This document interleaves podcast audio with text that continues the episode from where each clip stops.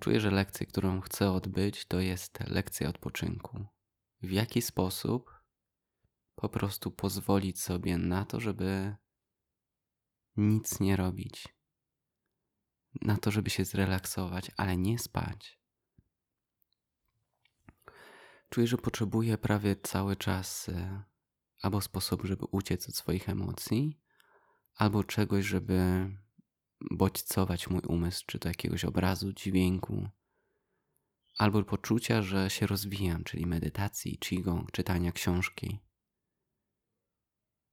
Trochę zapomniałem, czym jest rozrywka, i jedyne chyba, co czasami daje mi rozrywkę, to jest y, włączenie jakiejś gry na iPadzie i założenie słuchawek z muzyką. I może to jest ten moment, kiedy naprawdę czuję, że że świadomie się bawię. Potrzebuję chyba zabawek.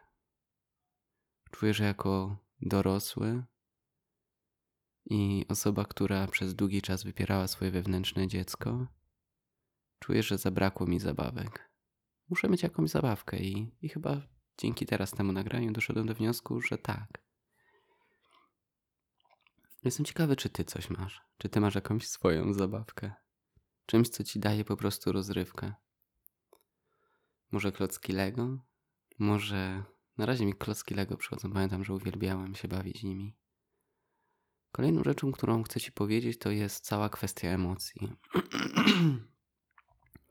jest jedna rzecz, którą niesamowicie podziwiam w Dalej Lamie. To jest to, że on naprawdę pozwala sobie przeżywać wszystko i to spontanicznie.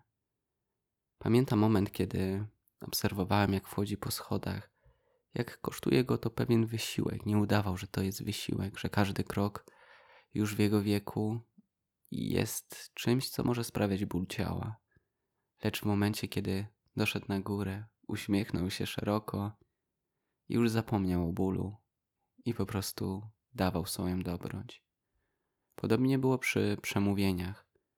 Mówił o krzywdach, które wydarzyły się w Tybecie, tego jak Chiny najechały, e, jego kraj, jak łapią mnichów do więzienia, żeby robić im pranie mózgu, za to, że osoby, które mają obrazek Dalej Lamy są często poddawani torturom, żeby się dowiedzieć czegoś więcej.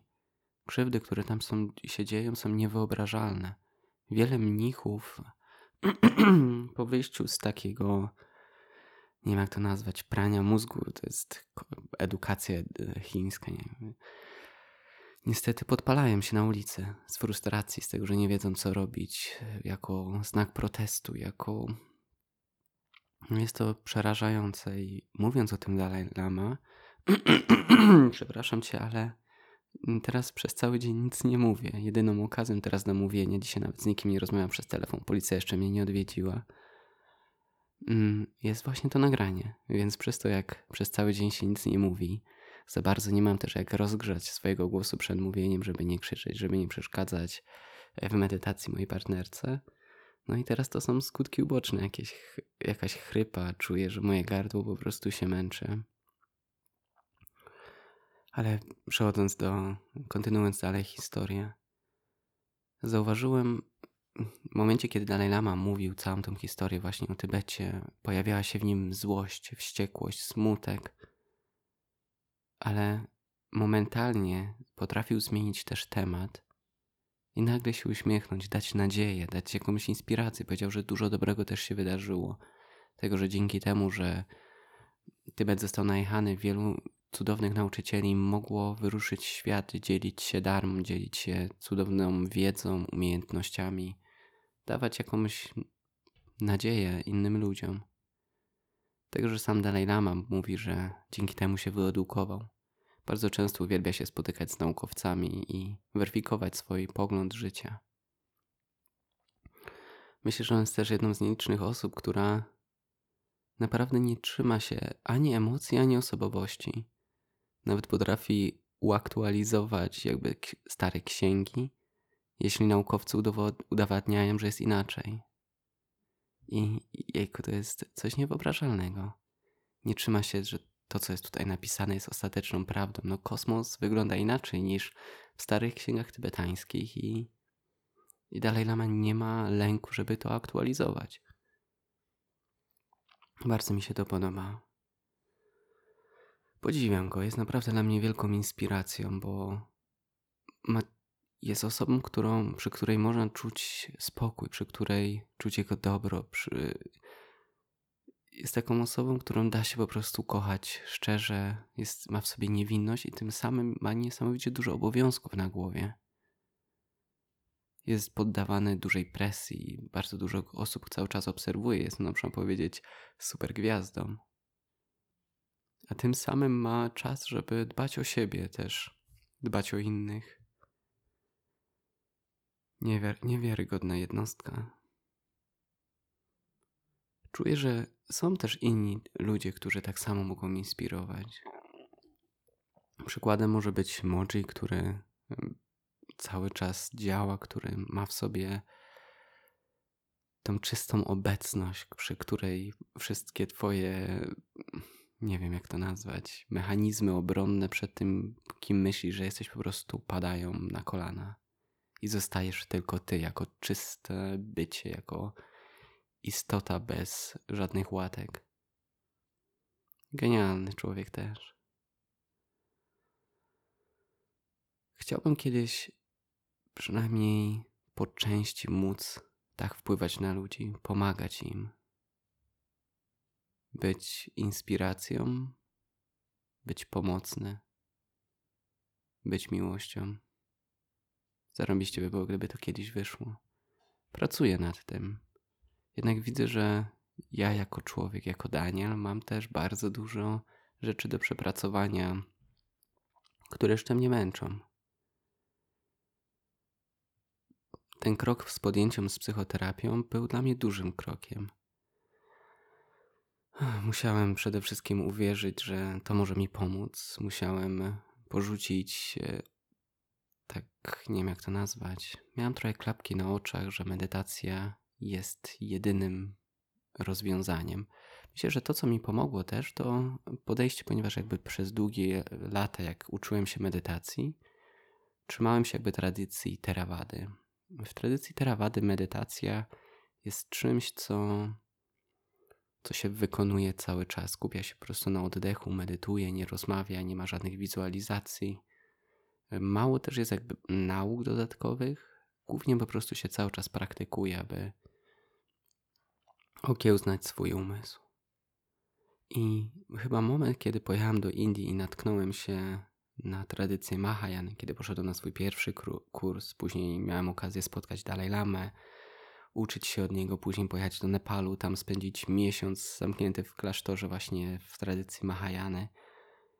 Tam uświadomiłem sobie, że kompletna ścieżka to jest zajmująca się właśnie świadomością jako medytacja, ale też właśnie naukami. W medytacji tybetańskiej istnieje coś takiego jak medytacja analityczna. Można powiedzieć, to jak ja to widzę, jak tego doświadczyłem, jest tym, że tradycja tybetańska, tradycja buddyzmu Mahajany ma bardzo dużo rzeczy z psychoterapii, ma narzędzia psychoterapeutyczne. I to był właśnie ten przebłysk, to było ten brakujący dla mnie puzzle. I myślę, że dlatego właśnie mnisi z tej tradycji tak bardzo mnie inspirują, ponieważ są uśmiechnięci, są otwarci, e, są bardzo prospołeczni, chcą pomagać, działać. Mnisi, mnisi z Terawady zazwyczaj są zamknięci, są mocno skoncentrowani na sobie, na tym, żeby obserwować swoje doznania w ciele, na tym, żeby być obecnym, ale w ten sposób zapominają o wszystkim, co jest dookoła.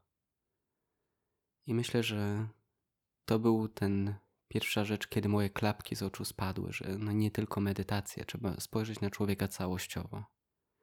I tak zaczęła się przygoda z,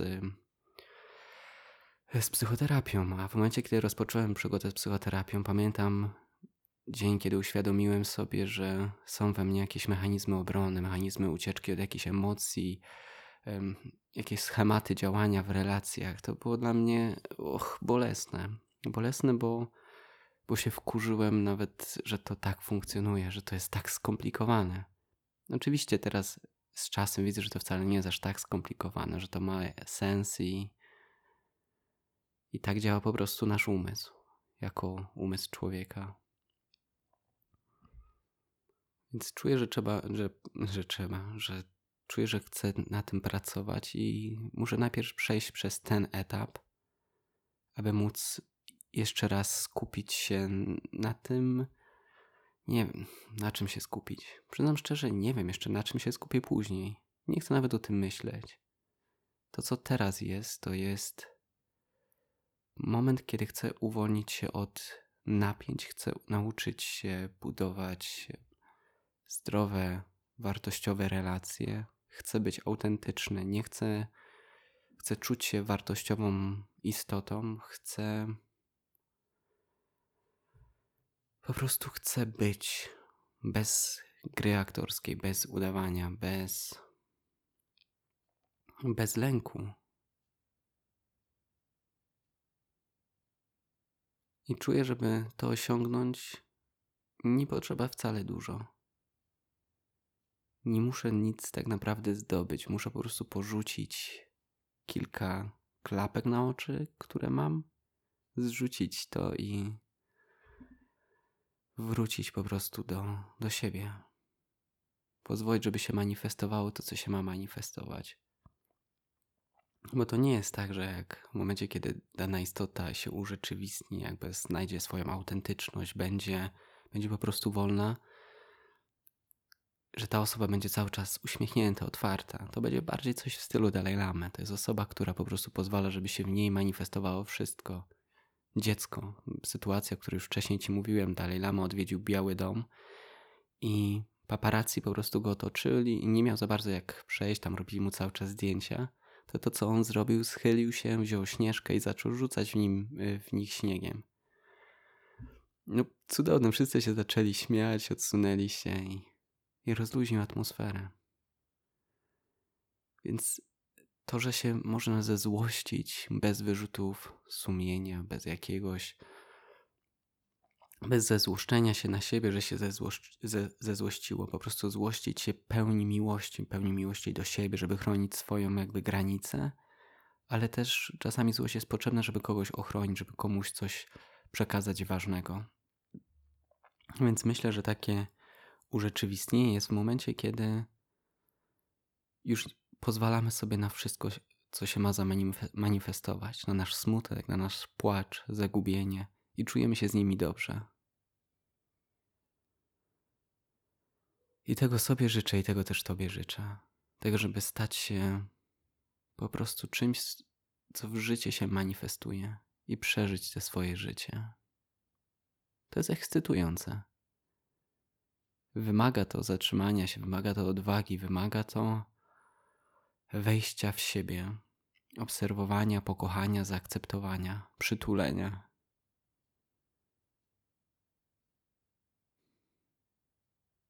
Nie powiem ci, jak to zrobić. Sam się tego uczę i myślę, że każdy potrzebuje po prostu zwrócenia uwagi na siebie i dania tem, tego, co w danym momencie potrzebuje. I tyle. Wolność od emocji. Super sprawa. Myślę, że wtedy właśnie przeżywa się dużo więcej niż teraz. Już emocje nie są białe czy czarne, one są po prostu w całej tęczy. Bo czuję, że i złość ma niesamowitą moc w sobie, daje niesamowitą siłę. Smutek daje głębokie. Chyba smutek powoduje fajną naukę odpoczynku taka czasami depresja delikatnie zmusza nas do tego, żeby odpocząć, żeby poleżeć w łóżku, żeby nic nie robić. Czuję, że też w momencie, kiedy akceptujemy takie emocje, one też szybciej mijają, bo wszystko przemija. To jest pierwsza prawda, którą, którą się jakby zdobywa, doświadcza podczas medytacji. Że każda emocja, każde doznanie pojawia się i znika. Więc jak widzisz, dni na razie przemijają mi, to ostatni przynajmniej, ten wczorajszy, dzisiejszy, na, na odpoczynku, na tym, żeby po prostu być ze sobą. Ten dzień te dni są bardzo, te dwa, czyli ten, który nagrywam i wczorajszy, są bardzo wolne. To jakby się toczyły taka duża kula śniegu. Zobaczymy. Mam nadzieję, że Twoje dni też przyniosą Ci dużo dobrego, ciekawych wglądów, zrozumienia siebie, takiego otwarcia się na te emocje. Jeśli czujesz teraz się zagubiony, smutny, sfrustrowany, zlękniony, w porządku, nie ma w tym nic złego, nie musisz cały czas czuć ekscytacji radości. Wtedy po prostu weź kilka głębokich wdechów i pozwól, żeby się te emocje pojawiły. Pobądź z nimi trochę. I tyle. Do usłyszenia. Dziękuję Ci za dzisiaj i życzę Ci przyjemnego dnia, przyjemnego wieczoru i urzeczywistnienia wszystkich Twoich rzeczy, które się mają w tym życiu Tobie zamanifestować. Do usłyszenia.